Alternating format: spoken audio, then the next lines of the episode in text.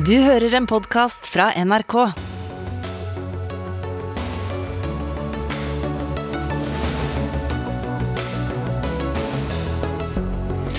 Presset øker på regjeringen. Ølkranene må kunne åpnes igjen.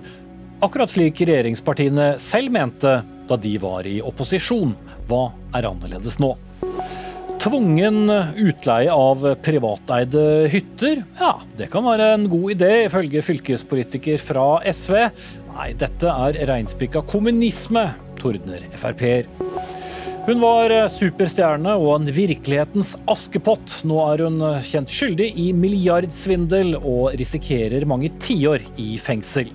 Vi ser på historien til vidunderet Elizabeth Holmes, som nå står for retten i USA.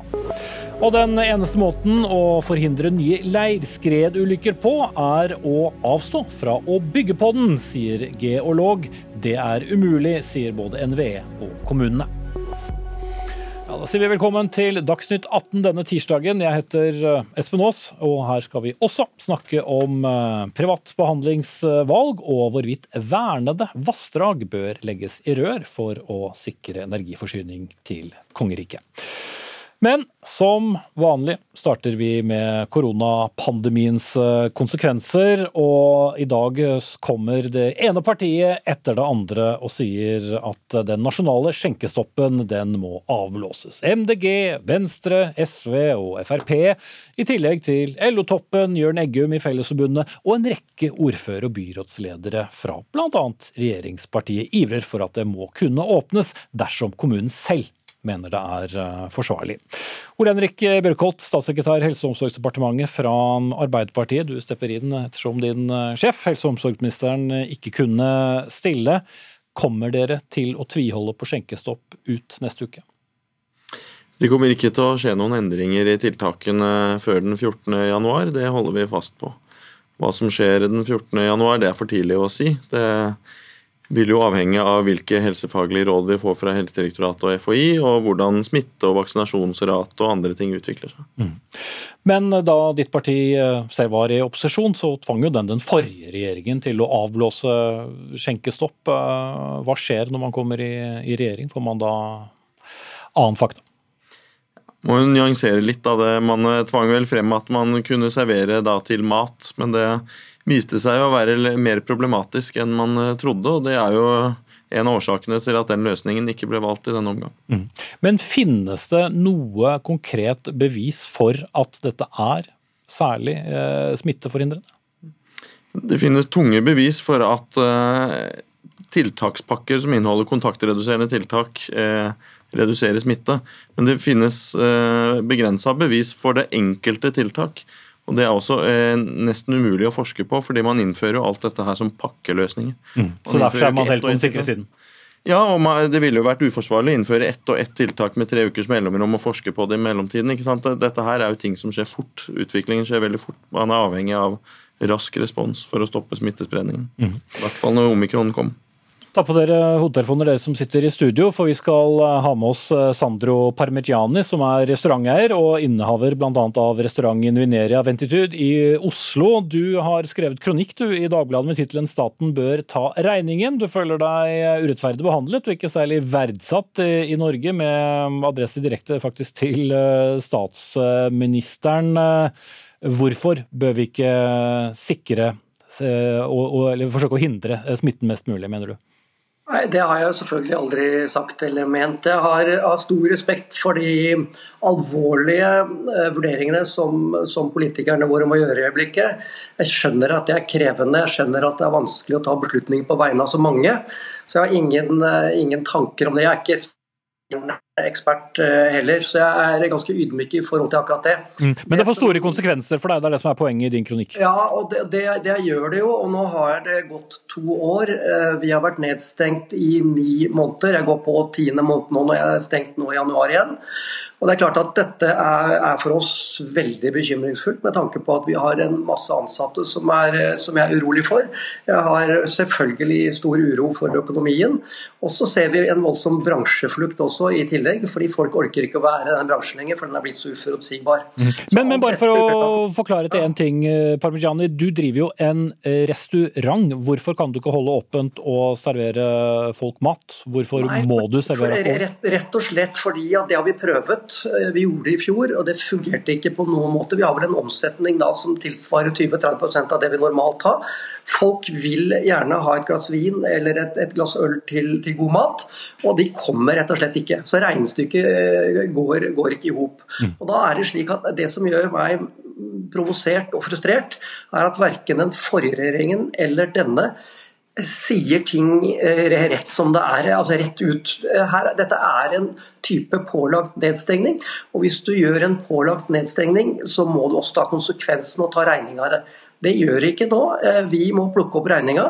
Og, og, og, for vårt vedkommende, eh, som er en liten restaurant, så, så, så er, det, er, det, alvorlige konsekvenser. Og, og, bare i desember så taper vår restaurant eh, 650 000 kroner sannsynligvis mm. i desember.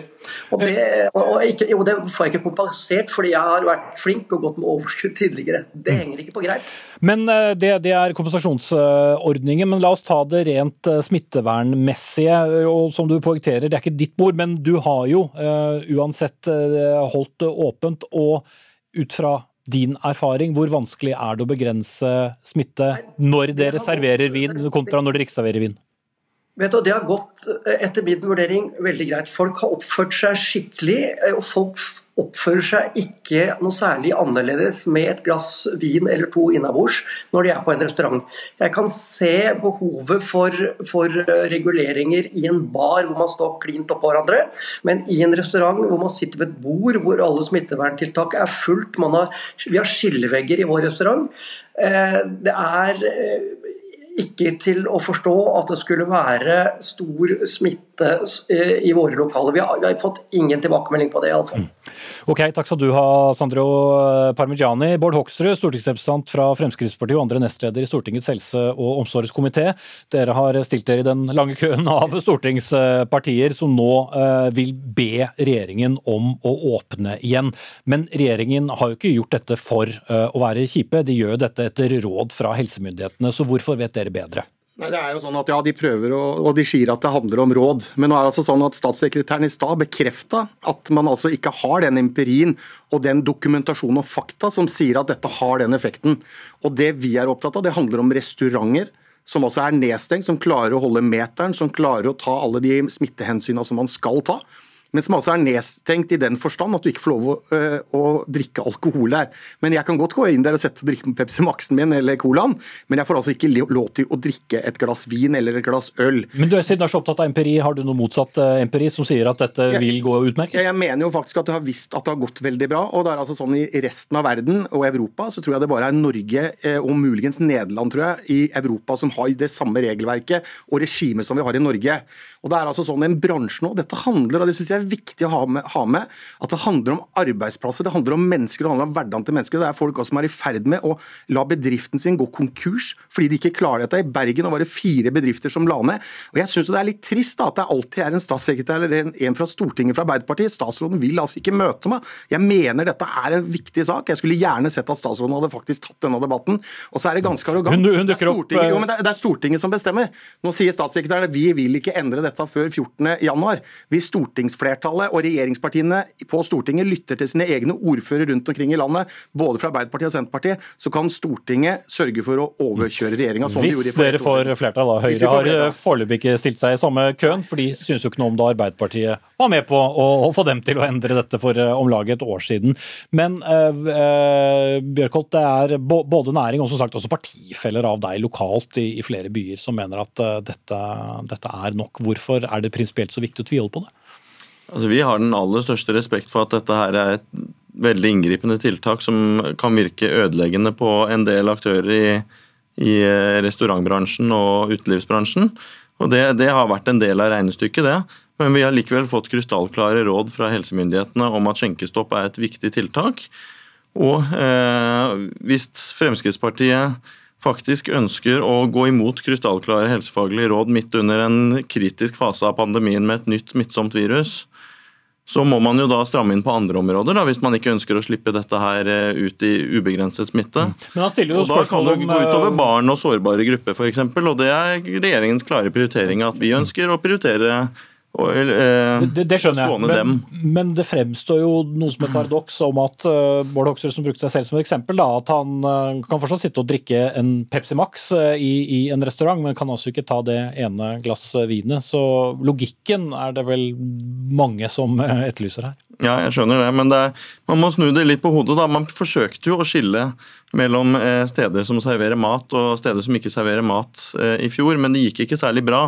Det fikk jo en del absurde utslag med at barer og puber og utesteder begynte å servere pølse med lompe og pizza Grandiosa for å omgå eh, reglene. Og så Erfaringen er dårlig. Så derfor så er ikke det Hoksrud, og det, Dere vil jo gjeninnføre det, det skillet som helt riktig ikke fungerte spesielt uh, godt. Dere vil holde pubene stengt, la restaurantene få servere. Ja, vi, jeg tror alle har større forståelse for at et, eh, en nattklubb for eksempel er stengt, enn at et, en restaurant som er, får lov å være åpen i dag, hvor man kan komme inn, hvor man kan sitte ned og gjøre alt det andre. Bare det er hva du får lov å drikke som er det som avgjør av hva du får lov til eller ikke. Og jeg tror det er den forskjellen som mange ikke skjønner. og jeg tror det er kjempeviktig at man er tydelig og klar på hvorfor man gjør de inngripende tiltakene som man gjør.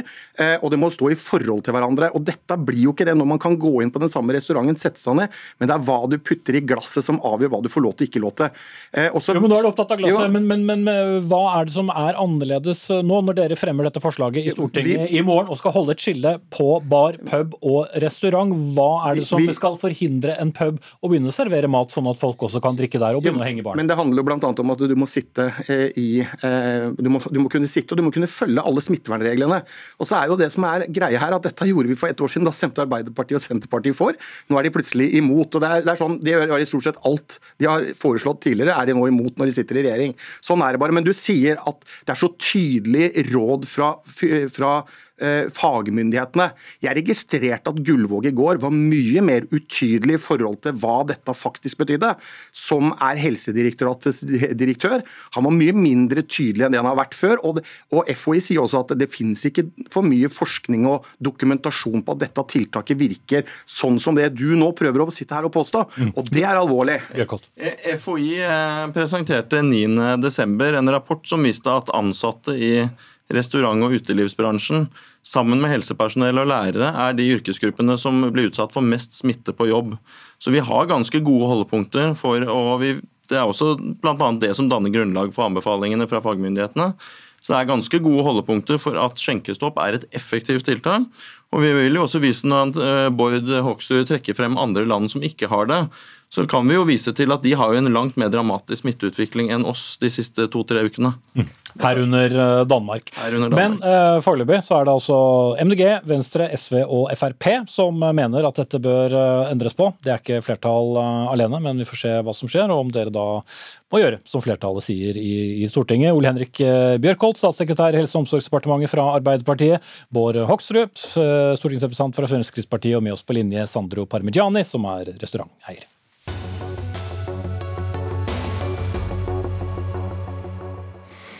Senere i Dagsnytt 18 La elva leve, men i rør. For for å sikre energiforsyningen så åpner Arbeiderpartiet og Senterpartiet for å legge vernede vassdrag i rør, noe MDG reagerer på.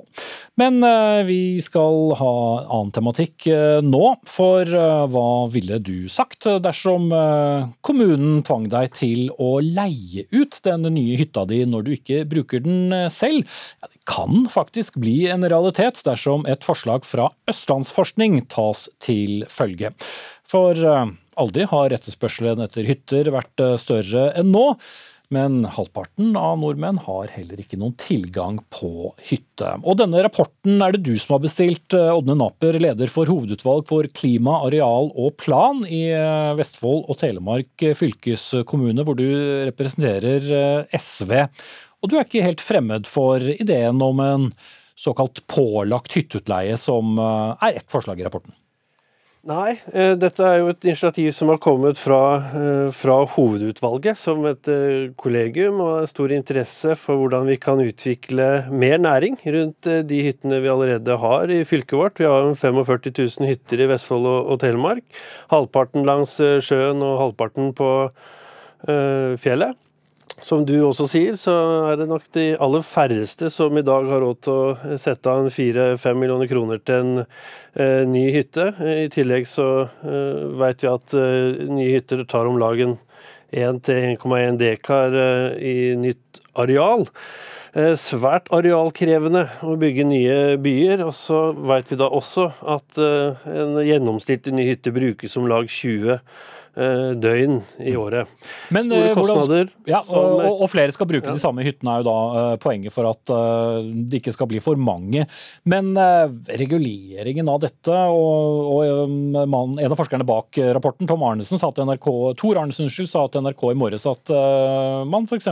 da kan selge en, eller gi konsesjon til en hytte med et krav om opptil utleie av 40% av, av tiden i året. Mm. Vil du stille deg bak det? Jeg syns det er godt, eh, en god businessidé, rett og slett. Eh, det også kan vertskommuner som vurderer å regulere nytt areal til fritidsboligformål, gå sammen med initiativtaker, utbygger, om å utvikle eh, konsepter som sikrer at det er større aktivitet, jevnere fordelt over hele året i vertskommunen. Det vil være bra for næring som er tilknytta fritidsboligene, butikkene, turområdene, hotellene osv. osv. Ok, vi har vi jo poenget. Morten Morten Stordalen, du sitter på Stortinget fra, fra, Fremskrittspartiet og kommer da fra Vestfold valgkrets, bare for å minne om eh, hvor komplisert dette er med fylker eh, for tiden. Men ja, vi deler biler, vi deler sykler, men når det kommer til hytter, så sier du hytte tu og lurer på om det er 1. april. Ja, dette her er jo spinnvilt. Det er jo reinspikka kommunisme. For det SV tar til orde for, det er jo en tvungen leie, bortleie.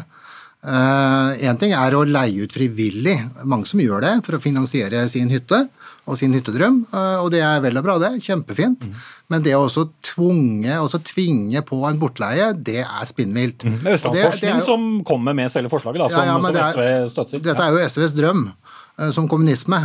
Og det er jo null respekt for eiendomsretten. Og hvis SV er opptatt av at flere skal kunne bruke hytter, det er også Frp, da er det kanskje å gjøre det lettere da, å regulere flere områder, for det handler om marked og etterspørsel. Mm. Økt eh, utbygging og økt eh, nedbygging av natur, da? Ja, men selvfølgelig, men det er masse natur. Når vi snakker om Telemark spesielt, har jo masse arealer. Det er jo ikke mangel på arealer, tvert om. Det er jo mangel på regulerte områder. Så politikerne i Vestfold og Telemark bør heller regulere flere områder. Og så bør man fjerne eiendomsskatten, som SV og rød-grønne partier i de kommunene faktisk krever inn. Ganske kostbart. Det er jo derfor folk leier ut hyttene sine, for å finansiere drømmen sin. Okay. Men det er helt uaktuelt for Frp å være med på sånt, i hvert fall. Napper. Ja, jeg skjønner at det fortsatt er eh, mental juleferie på Stortinget. altså, Morten, Hva dette har med kommunisme å gjøre, det skjønner jeg veldig veldig lite av.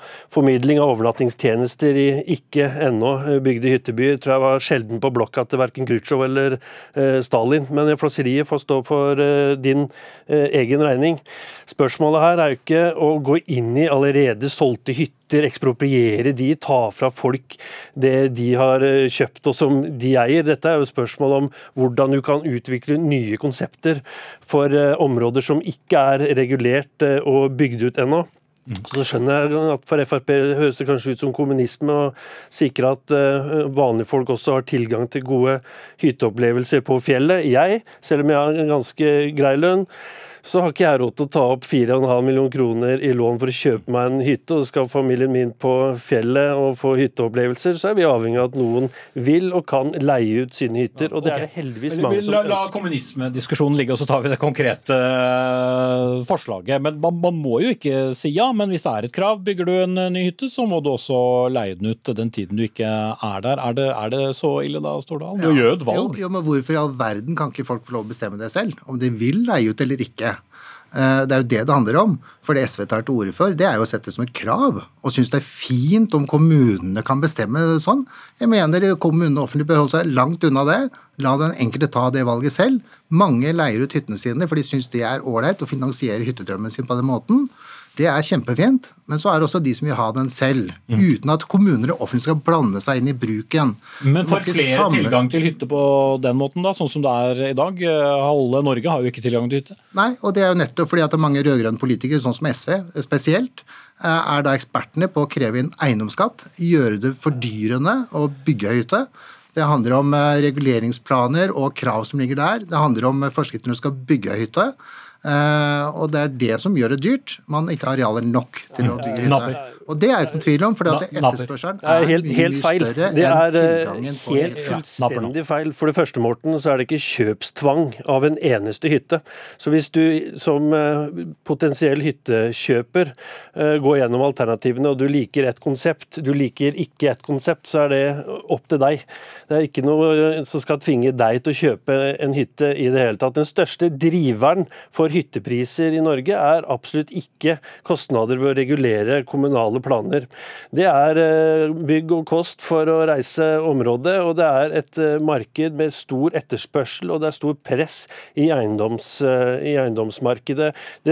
Én ting er jo økologien her, hvordan vi tar i bruk kvadratmetere i naturen og egentlig kaster bort eh, 330 døgn i året per kvadratmeter hytte vi bygger i naturen, dessverre. Et annet aspekt her er jo nasjonaløkonomien.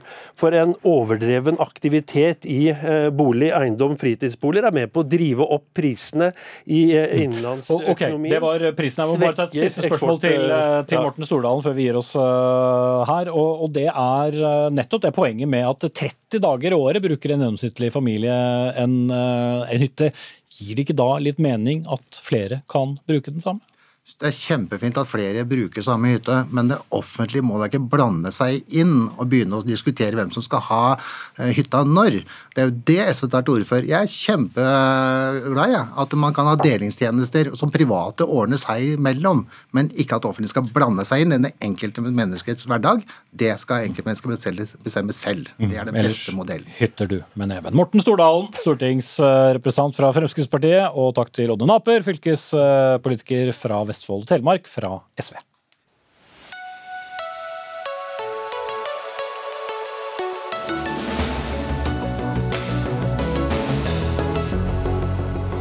Ja, Det skal fortsatt handle om eh, våre avtrykk eh, i naturen. For eh, regjeringspartiene, Arbeiderpartiet og Senterpartiet, åpner nå for også å kunne legge vernede vassdrag i rør. Tematikken kommer opp i forbindelse med en energikommisjon som til våren skal se på hvordan vi kan produsere mer strøm de neste årene.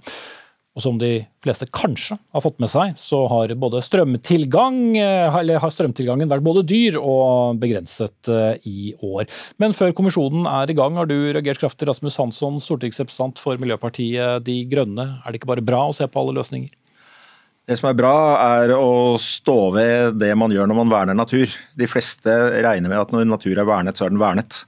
Eh, hvis virkeligheten er bare at eh, når Arbeiderpartiet verner natur, eh, så setter de den på vent til neste gang de får lyst på litt mer kraft, vel, da er jo hele vernebegrepet i norsk naturforvaltning undergravet. Da vet man jo ikke noe som helst om framtida til den fantastiske naturen, de fantastiske elvene, som er vernet av veldig mange gode grunner og til veldig stor glede for veldig mange mennesker. Og så vet vi også at skal vi løse klimakrisa, så er det en ting vi ikke kan gjøre. Og det er å løse den ved å ødelegge resten av naturen. Men Da vi trenger mer kraft, ting. og ikke, mange vil ikke ha vindkraft eh, på land. Noen vil heller ikke ha vindkraft eh, til eh, havs. Vi vil ikke ha atomkraft, vi vil ikke ha gass. Så hvordan skal vi få kraft? Vindkraft til havs er den suverent største energiressursen Norge har igjen. Vindkraft til havs kan bygges sikkert med visse eh, naturpåvirkninger, men i utgangspunktet mye lavere naturpåvirkning enn eh, vassdragsutbygging og, eh, og eh, vindkraft på land. Og det har svære, spennende industrielle muligheter knytta til seg. Og høye kostnader. Og så de kostnadene kommer til å gå ned, akkurat som eh, all annen fornybar utbygging. Det har vi masse erfaring med. Men eh, så må vi samtidig begynne å spare strøm, og ikke ha som eh, grunnholdning at vi skal bare grafse til oss strøm på den aller mest lettvinte måten. Men da kan vi ikke eh, elektrifisere sokkelen eh, og lade opp like mye batterier. Og så bør og vi, sånn og så bør vi i utgangspunktet ikke eh, elektrifisere sokkelen. Vi bør legge ned oljevirksomheten i løpet av de neste 10-15 okay. åra. Men skal sokkelen eh, elektrifiseres, så må det skje med havvind. Ikke ved å ødelegge natur på land. Ok, Terje Aasland fra Arbeiderpartiet, du er leder i energi- og miljøkomiteen på Stortinget, med oss fra, fra Porsgrunn. Vi Får understreke da at det er jo ikke bestemt dette, men det er naturlig å diskutere dette med altså å legge vernede vassdrag i, i rør. Hvorfor skal dette tas opp igjen når vi, eller når politikere jo egentlig har bestemt seg for ikke å gjøre det? Nå har ikke tatt til orde for at vi skal legge verna vassdrag i rør, men vi har sagt det er naturlig å vurdere også mulighetene i det som ligger opp mot verna vassdrag, og eventuelt om det kan utnyttes noe der, uten at den forringer de natur- og verneverdiene som er i vassdraget. Hvordan gjør man det? Jo, det tar man og gjør i den kommisjonen som skal nå jobbe med å foreslå tiltak for økt kraftproduksjon i Norge. Og alle prognoser, absolutt alle prognoser som er laga, viser at vi veldig raskt kommer til å trenge forholdsvis mye mer kraft for å klare det grønne skiftet, for å klare klimautfordringene våre.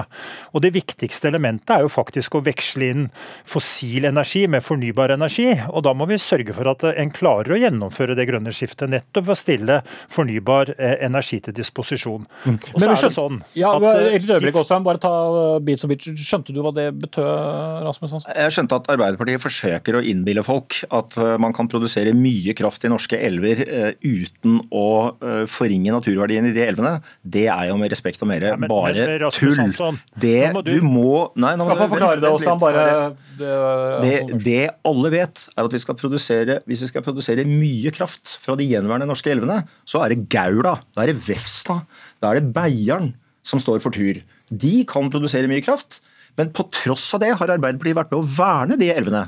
Vel vitende at de kunne ha produsert strøm, men vi vil heller ha naturverdiene. Nå har Arbeiderpartiet signalisert at de har ombestemt seg, og det er en dramatisk endring i Arbeiderpartiets naturpolitikk og i norsk naturpolitikk. Er det det, Aasland?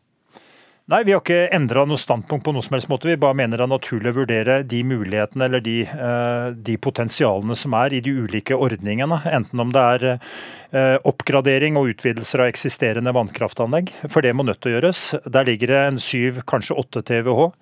Eh, Så må vi vurdere vindkraftpotensialet, om det er kommuner som vil stille areal til disposisjon nettopp for vindkraftutbygging også på land. Eh, Og vi må se på om det er annet vannkraftpotensial også som ligger der. Mm. Men, men vi når vi har vernet de områdene vi har gjennom så mange år, så er det litt vanskelig å forstå hva som, hvorfor man må åpne en diskusjon hvis man ikke har tenkt å gjøre noe med det. Jo, fordi vi må se på alle sider av eh, fornybar energi.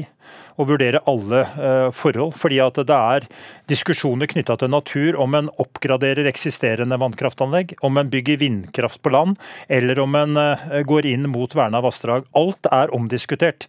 Det er også bygging av kraftledninger, så vi må nødt til å se helheten i det. Hva er det som gir best resultater for samfunnet totalt sett? Det er viktig å få greie på. Og så må man se på hvordan en skal klare å legge til rette for at vi klarer det grønne skiftet. Og Dessverre så er jo Miljøpartiet De Grønnes eh, tilnærming til hele kraftsituasjonen, til det grønne skiftet, til det å legge til rette for ny industriell vekst, den er totalt useriøs og mangler rot i virkeligheten. Når de nå peker kun på flytende havvind som den eneste muligheten, samtidig som de skal avvikle olje- og gassnæringa, ja, da vitner det om et parti som ikke ser helt konsekvensen av det de snakker om sjøl. Hansson. Eh, For det første, når eh, vi snakker om å oppgradere vannkraft, eh, eller eksisterende vannkraftanlegg, så er jo ikke det inngrep i vernet natur. Det kan vi godt være med på. Hvis Terje Aasland har tenkt å skaffe mye kraft ved å bygge ut mye vindkraft på land, så skal han få seg en munter politisk framtid, for det er det ingen i Norge som vil.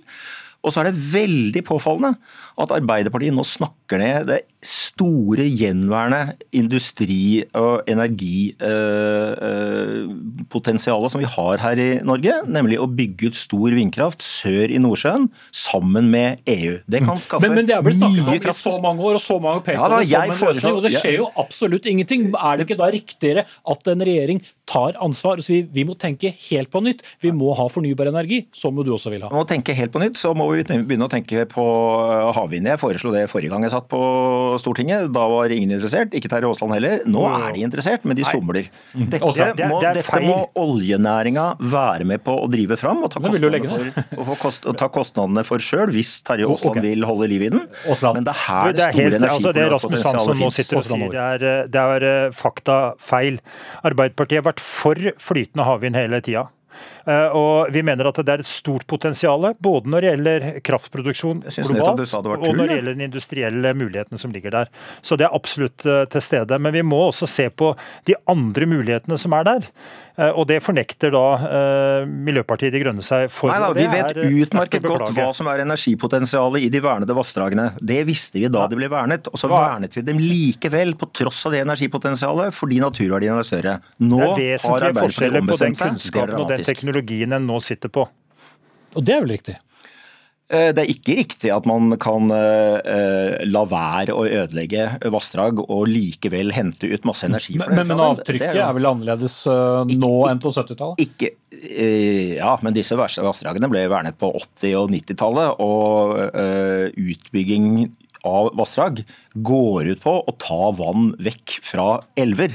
Det er det som er energien, og det kommer vi aldri unna. Eh, Og det kommer til å ha de naturkonsekvensene som det har. Og det å late som det er funnet opp en simsalabim-teknologi som kan gjøre at vernede vassdrag kan fortsette å være vernede, samtidig som Terje Aasland henter ut masse energi fra dem, det er et nivå som jeg håper at vi kan bli fort ferdig med. Vi får vente med spenning på Energikommisjonen og hva den eh, finner ut av. Så tror jeg helt sikkert vi kommer til å diskutere det igjen. Og jeg tror jammen noen kommer til å foreslå vindkraft til havs også. Takk til Rasmus Hansson fra MDG, Terje Aasland fra Arbeiderpartiet, begge på Stortinget.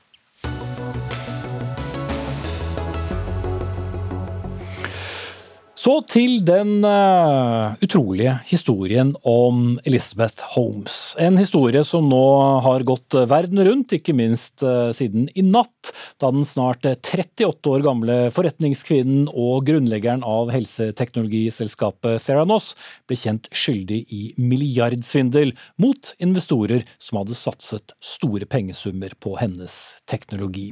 Historien om Holmes uh, er som en slags Askepott-historie fra virkeligheten. Startet selskapet som 19-åring, og det ble etter hvert eh, verdt flerfoldige milliarder dollar, der teknologien skulle revolusjonere medisinsk testing av blod. Men kommentator Eva Grinde i Dagens Næringsliv, som eventyret om Askepott, så slo klokken midnatt, og lite står eh, igjen.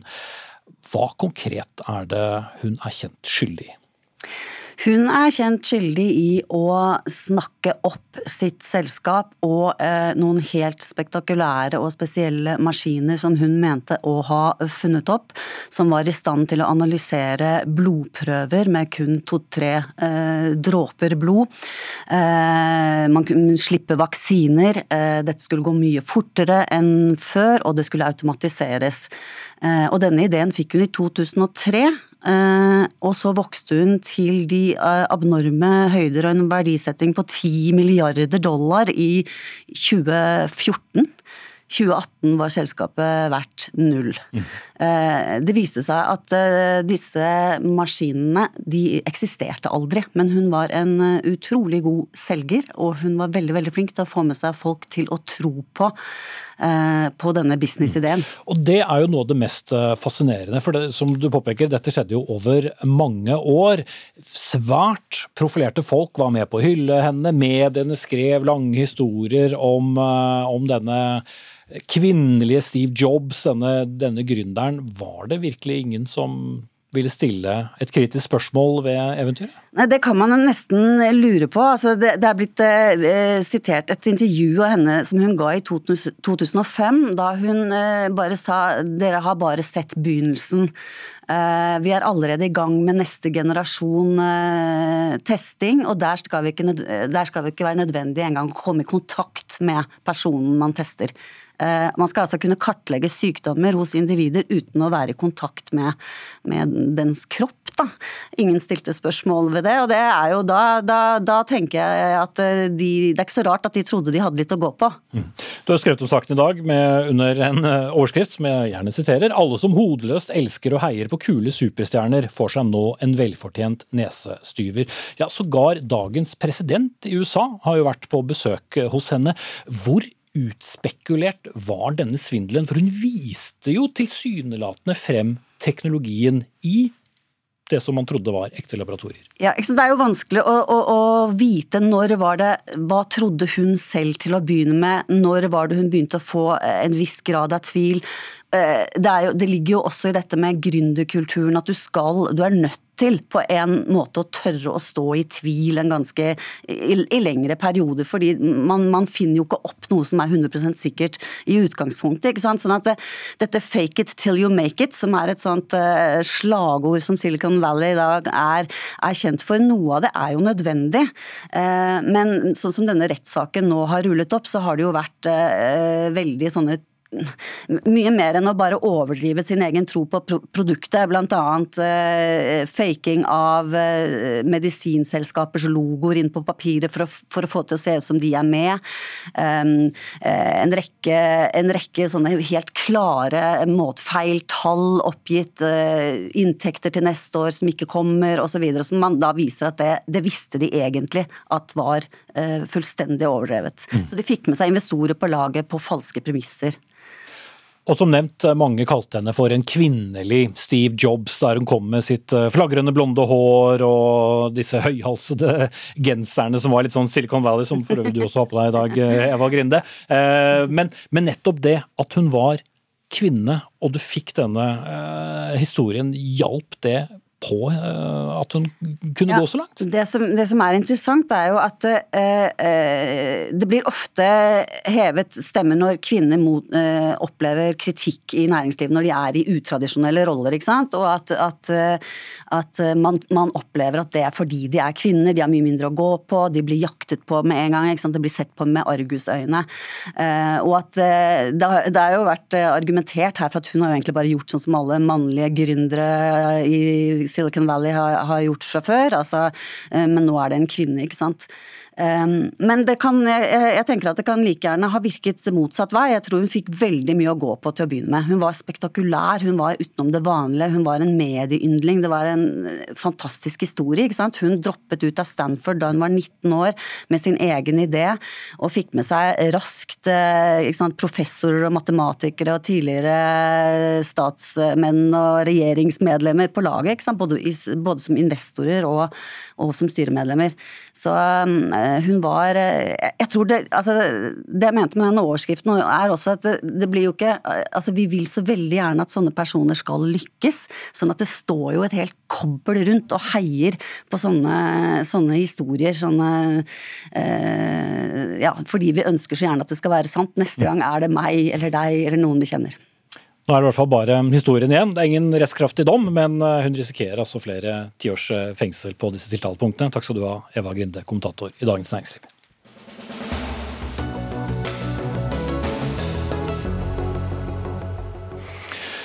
Debatten om eh, fritt behandlingsvalg blusser opp igjen etter en tragisk historie der en 28-åring tok livet sitt etter at han skulle få traumebehandling på et eh, privat behandlingssted for psykisk syke i Hurdal. Mannen fikk medisiner han ikke skulle ha, behandlingsplanen var mangelfull, og det var for dårlig selvmordsforebygging, ifølge statsforvalteren, som konkluderte med lovbrudd. Dette kunne vi lese i Dagbladet nylig. Og Før vi tar en eh, politisk debatt rundt det hele, så skal vi til behandlingsstedet som heter Recovery Akademiet, og du er administrerende direktør Ole Andreas Sundeland. Og bare for å ha eh, poengtert det, dere har innrømmet feil i denne saken, men spørsmålet blir jo likevel stående. Hvordan kan noe slikt skje? Selvmord i psykiatrien er og har vært et stort problem. Og det å miste sin eh, kjære eh, når han eller hun er, er til behandling og endelig har fått den hjelpa som man kanskje har slåss lenge for, det oppleves helt forferdelig for de eh, som blir igjen. Det, det har vi full forståelse for. Vi tar også statsforvalterens tilbakemeldinger på denne saken svært alvorlig. Og har rutinemessig også gjort de endringene som statsforvalteren her legger opp til. Mm. Men alle, alle, vi som har valgt å jobbe i psykiatrien, vi, vi, gjør så godt vi kan. Men allikevel så skjer altså selvmord. Mm. Det, og det, ja. Ja, det, det vi skal debattere politisk eh, straks her, eh, Underland, er jo eh, fritt behandlingsvalg. Dere er da en privat behandlingsinstitusjon. Eh, Hva slags tanker gjør du deg selv om at dette blir et eksempel i en sånn politisk debatt? Ja, Det syns jeg ikke noe særlig om. Eh, når det gjelder fritt behandlingsvalg som ordning, så skal ikke jeg mene noe om det. Vi forholder oss til de rammebetingelsene som vi må forholde oss til. Men med tanke på de 400 pasientene som har vært hos oss siden vi startet i 2015, og som endelig har fått det tilbudet som de har slåss for i mange, mange år, og som de aller fleste har opplevd som et veldig godt tilbud omsider, så er det dårlige nyheter. Og At det skjer feil eh, hos oss, det beklager vi. Men det er også en del av helsevesenet. Og Det er Okay. derfor vi også da har rutiner for hvordan vi håndterer denne typen eh, behov for endring. Da sier jeg takk til deg, administrerende direktør Ole Andreas Sundeland fra Recovery-akademiet. Even Rød i helse- og omsorgskomiteen på Stortinget for Arbeiderpartiet. Nå skal vi ikke diskutere denne saken spesifikt, men den har jo da blitt trukket inn igjen i den pågående eh, debatten om fritt eh, behandlingsvalg. Men det er jo ikke sånn at det offentlige tilbudet heller er uten tragiske historier. Nei, det er det ikke, og det legger ikke vi skjul på heller. Eh, Men det som kjennetegner, ordningen for fritt behandlingsvalg, det er jo at det ikke er god nok kvalitetssikring. Og Grunnen til at det ikke er god nok kvalitetssikring er jo nettopp fordi at dette er ikke fritt behandlingsvalg, det er fri etableringsrett for de private aktørene i, i, i markedet. Det som er viktig for oss, er å ha et godt tilbud for pasientene. Nå er det over 400 eh, som er innenfor, innenfor avtale eh, på, eh, i helseforetakene, og 27 innenfor rus og psykiatri eh, som, eh, som er leverandører i fritt behandlingsvalg. Eh, Vi mener at eh, vi må styrke den offentlige helsetjenesten, og måten vi gjør det er å ikke sende penger ut via, eh, via fritt behandlingsvalg og til private aktører, men bruke den offentlige helsetjenesten i samarbeid med de private som leverer til, til det behovet vi har i helsetjenesten. Men hvordan er det viktig å vise til enkelthistorier som, som denne som et argument i denne debatten? Dette viser jo at, eh, at, eh, at kvalitetssikringa ikke er, eh, er god nok. Eh, Det går gjennom Helfo, som, som, som godkjenner disse. eh, og Det er en minimumsgodkjenning eh, for, eh, for, eh, for disse aktørene. Eh, og Vi mener at, eh, at her har det ikke vært god nok kontroll. Det er jo ikke bare denne saken, det er flere eh, også knytta til den. Det er jo andre eksempler som også viser at, eh, kvaliteten ikke er god nok, og samarbeidet med helseforetakene ikke er god nok. Okay. Tone Wilhelmsen Trøen, leder av helse- og omsorgskomiteen på Stortinget for eh, Høyre. Dere har jo tidligere fremhevet eh, nettopp da Recovery-akademiet som et godt eksempel på privat eh, psykisk eh, helsevern. Vil du fortsette å fremheve det? Ja, det vil jeg. Um, og, jeg reagerer litt på det Evenrød her sier om at, at disse ikke er godkjent på samme måte som andre offentlige institusjoner. Det er jo ikke riktig. Altså, Hurdalsjøen, Hvis vi skal snakke om Hurdalssjøen Recovery først, da, så er det et offentlig godkjent psykiatrisk sykehus, helt på lik linje med andre sykehus og har selvfølgelig akkurat de samme plikter. Eh, har det samme kontrollsystemet, de samme tilsyn som alle andre Så, så har. alt av tilsyn på de private behandlingshjemmene, klagesaker, alt behandles på samme måte som et offentlig tilbud? Ja, det er helt åpenbart. Det som er spesielt med Hurdalssjøen, og som har gjort at jeg har trukket det fram flere ganger, er jo at veldig mange alvorlig syke um, psykiske pasienter, alvorlig psykisk syke pasienter, har ønsket medisinfri behandling. Det har vært et krav i helsetjenesten i mange år. Eh, I 2015 så sa Bent Høie til helseforetakene og alle helseregionene dette må på plass. Og fortsatt, nå er det snart sju år etterpå, så er det veldig få pasienter som har mulighet til å velge seg medisinfri behandling. Aktører som Hurdalsjøen eh, har etablert det. Det er viktig, og det aller viktigste med fritt behandlingsvalg er jo at pasienter får valgfrihet. Rød. De har jo valgfrihet. Altså, det er jo valgfrihet også for, for, eh, blant de private og ideelle som er innenfor avtalene med helseforetakene. Så eh, at man, eh, at man trenger disse 27 flere som ligger i dette for å få valgfrihet, det syns jeg er eh, veldig rart. Og så er det jo også sånn at eh, for Ja, hvorfor vil eksempel, du ta dem bort? Hva sa du? Hvorfor skal du da ta dem bort? hvis Nei, er fordi at jeg mener at eh, vi har bedre kontroll med dem, vi har bedre samarbeid. Eh, altså eh, Direktøren i, i Sykehuset Telemark sier jo det, at, at det er vanskelig å samarbeide. Fraværende samarbeid. Dette samarbeidet er jo viktig, at vi klarer å bygge dette sammen. og I tillegg så flytter man jo penger ut av de offentlige sykehusene over i disse private. og Det gjør jo f.eks. at det er vanskeligere da, å, å videreutvikle tilbudet i det offentlige, fordi at man mangler penger i det offentlige helsevesenet. Men det er jo ikke, det er jo ikke noe nytt at ikke, at ikke Arbeiderpartiet ønsker mangfold i helsetjenestene. Eh, Det er heller ikke noe nytt at Arbeiderpartiet ikke er de som står fremst for å kjempe for pasientrettigheter, men at de nå faktisk både har gått til valg på og har planer om å innskrenke pasienters rettigheter, sånn som de gjør med fritt behandlingsvalg, det er utrolig, utrolig trist. Og så er det jo sånn at Evenrød sier at pasienter har eh, muligheten til å velge dette selv. Nei, de har jo ikke nødvendigvis det. fordi at Fritt sykehusvalg, som dere ofte trekker fram, eh, det er en ordning hvor det er helseforetakene som inngår, altså de offentlige helseforetakene som inngår avtale med private. Så hvis eh, f.eks.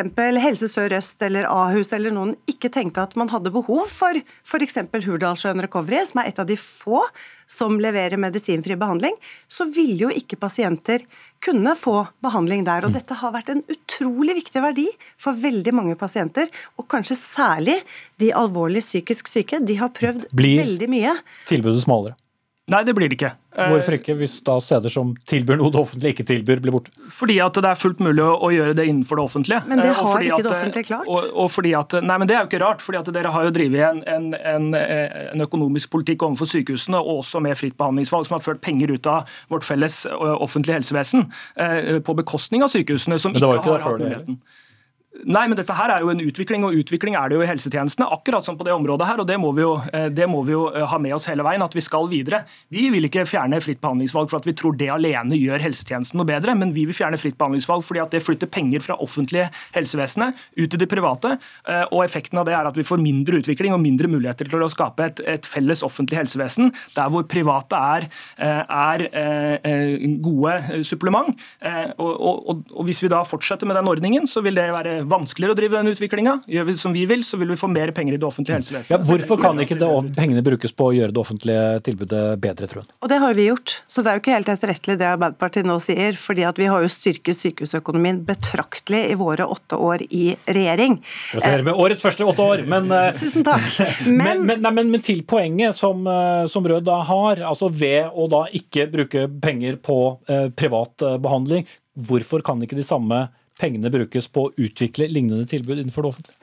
Ja, altså Akkurat i dette tilfellet så er jo eksempelet at man i årevis har hatt krav på seg om å levere medisinfri behandling til alvorlig psykisk syke, og man har ikke gjort det.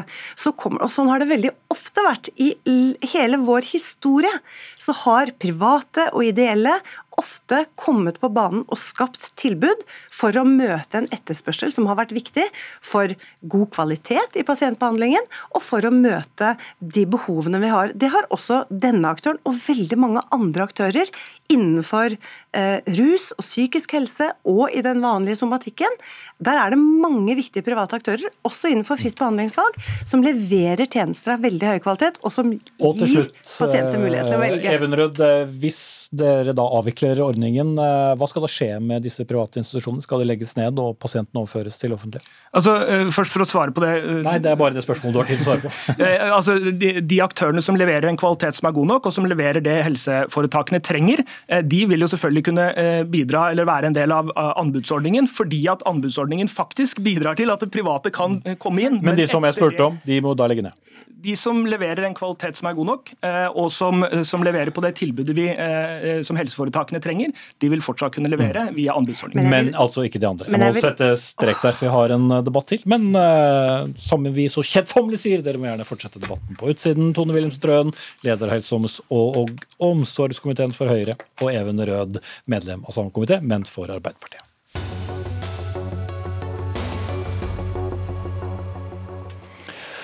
Den eh, eneste måten å forhindre flere kvikkleirulykker på, ja det er rett og slett å slutte å bygge på kvikkleire, altså 'Aldri mer hus på kvikkleire', for å sitere overskriften på en ytring på nrk.no, ført i tastaturet av deg, geolog og redaktør av nettstedet Geo365, Halvdan Karstens.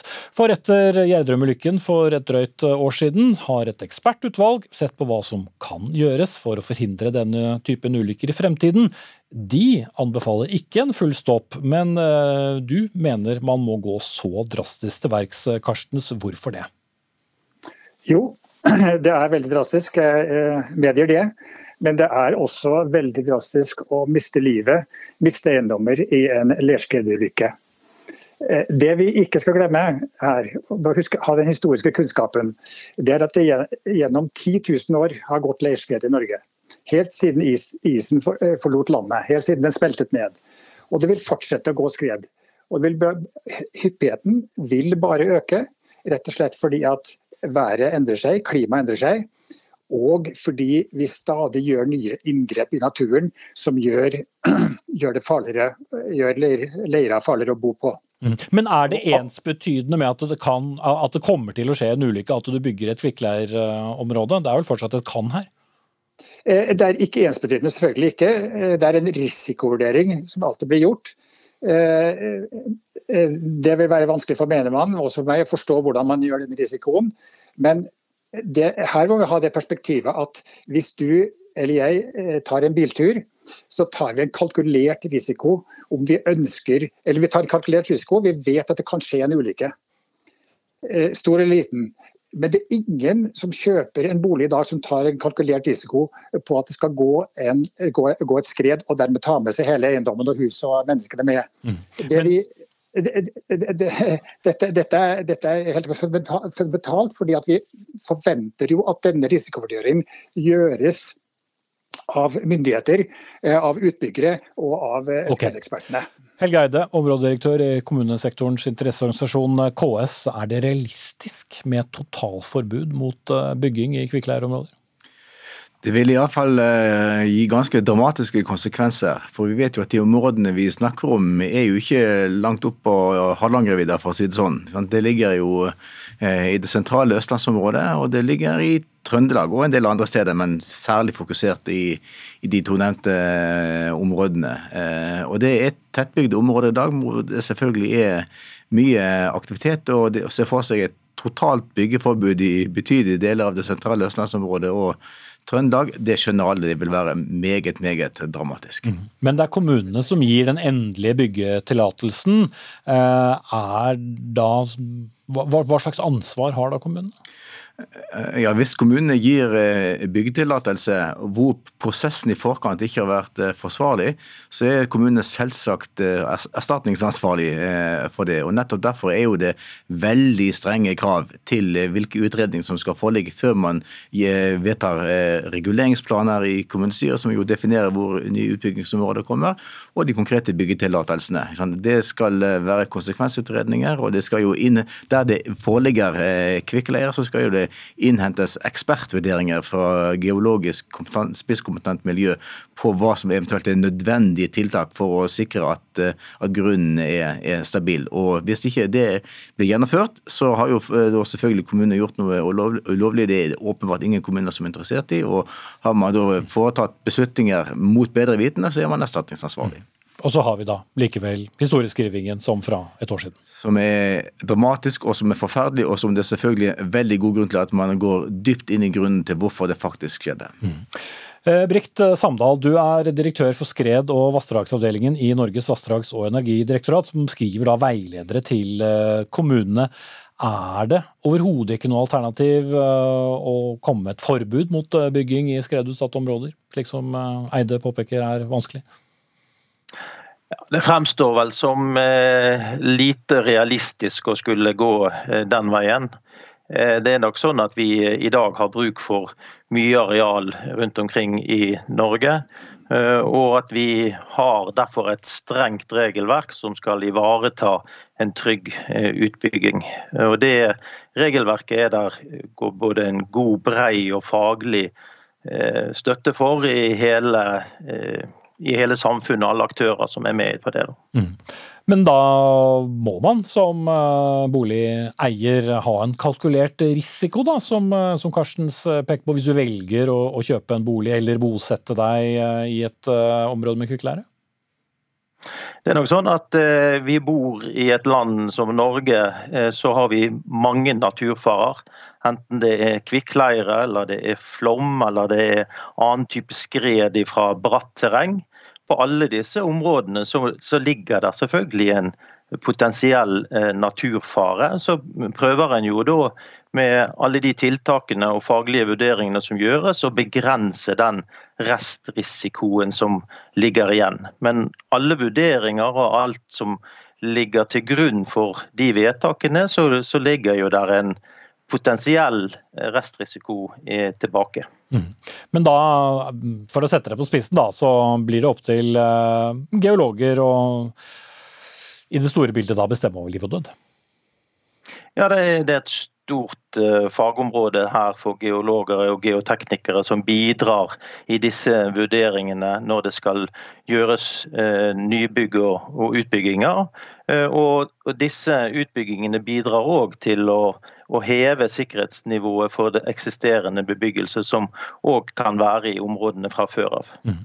Og Tilbake til deg, Karstens. Altså, du har jo da fremmet eh, ditt, eh, ditt dramatiske forslag. Andre geologer vil jo eh, være uenig i og med at det har blitt gitt mange anbefalinger om byggefelt?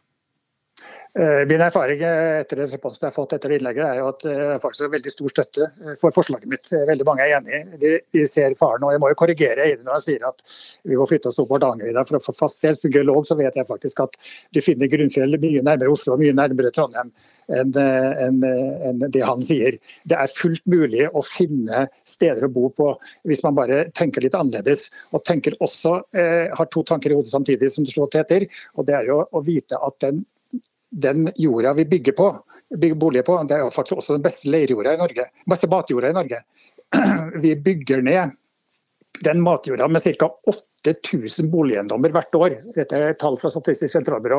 Altså hvis vi sier at en boligeiendom tar ett mål, så bygger vi ned den beste matjorda i Norge med 8000 eiendommer hvert eneste år. Mm. Det er ganske mye. Og Når det gjelder årsakene, at vi skal gå dypt inn i årsakene, som sies, ja, det kan vi gjerne gjøre. Og vi blir stadig klokere. Eh, geoteknikere geologer blir stadig flinkere. De klarer å, å, å, forutsi dette her mye bedre. Men de klarer aldri å avlyse den risikoen som ligger i det. Mm. Det eneste måte å avlyse risikoen er faktisk å la være å bygge. Og det er fullt mulig hvis man velger å tenke annerledes. Som er ditt uh, poeng. Men, men eh, Helge Eide, er det sånn at dere alltid hører eh, på, på fagfolkene og stoler blindt på hva de sier? Det er alltid slik at de prosessene som eh, kreves i henhold til plan- og bygningsloven blir gjennomført. Dvs. Si at eh, det gjøres konsekvensutredninger, at det gjøres såkalte risiko- og sårbarhetsutredninger, og at man innhenter eh, faglige vurderinger. Og Hvis kommunene ser, skulle velge å se bort fra klare faglige råd om tiltak eller advarsler mot å å, å bygge. Eh, så vil nok i første omgang da, så vil nok sannsynligvis NVE, altså Brikt Samdal og hans kolleger, legge inn uh, innsigelser mot det. Jeg tviler på at kommunene sjøl ville faktisk ønske å, å, å å eh, fatte vedtak om reguleringsplaner som er imot slike klare faglige eh, råd. For sannsynligvis vil ingen ønske å bygge på, på den grunnen eh, likevel. Så det at man ser helt bort fra faglige råd, det er uansvarlig. Det er det meget, meget meget usannsynlig at noen vil ønske å gjøre. Mm. Men, men Samdal, må man foreta dette på den, disse vurderingene på, på en annen måte? Bør de vurderes på nytt etter det har gått en viss tid? Det er jo sånn at eh, det faglige grunnlaget og regelverket har jo hatt en stadig utvikling, og, jeg tenker at det vil det òg fortsette med. Dette ekspertutvalget som er nedsatt i etterkant av eh, Gjerdrum-hendelsen, skal jo fremlegge en NOU når vi kommer ut på, i 1.3. Eh, og her vil jo det òg sikkert komme opp innspill til hvordan vi kan bedre og styrke dette regelverket. Må vi også huske at Vi har en stortingsmelding på dette området som faktisk har tittelen 'Hvordan leve med farene'. Som nettopp belyser det at vi lever i et land med mye topografi, altså høye fjell og elver, og altså både på flom og skred i bratt terreng, som vi òg må forholde oss til. Og, og, det er nok sånn at Vi må ta i bruk mye av det arealet vi har eh, i flatere områder eh, nær kysten. Det som ofte da er under marin grense, og gjøre de nødvendige tiltakene og gjøre de trygge sikringstiltakene som skal til for at det er trygt å, å bygge på disse områdene. Ok, jeg setter strek der. Takk skal du ha, Britt Samdal, direktør for skred- og vassdragsavdelingen i Norges vassdrags- og energidirektorat. Takk til Helge Eide i, fra KS, og altså Britt, nei, unnskyld, Hafland Karsten, som er geolog. Dagsnytt 18 er ved veis ende. Det var Anne Katrine Førli som hadde ansvaret for den. Hanne Lunås tok seg av det tekniske. Jeg heter Espen Aas. Sigrid Solund er tilbake med ny sending i morgen. En podkast fra NRK. De nyeste episodene hører du først i appen NRK Radio.